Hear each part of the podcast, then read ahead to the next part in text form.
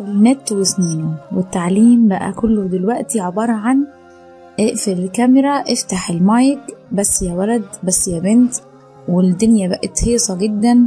يا ترى هو ده التعليم الأونلاين اللي إحنا كنا متخيلينه؟ يا ترى لما كنا بنقول عايزين نواكب العصر ونعلم أولادنا بال e-learning ده هو ده اللي إحنا قاصدينه؟ إيه اللي حصل؟ يا ترى ده إيه بالظبط؟ ويا ترى إيه الصح؟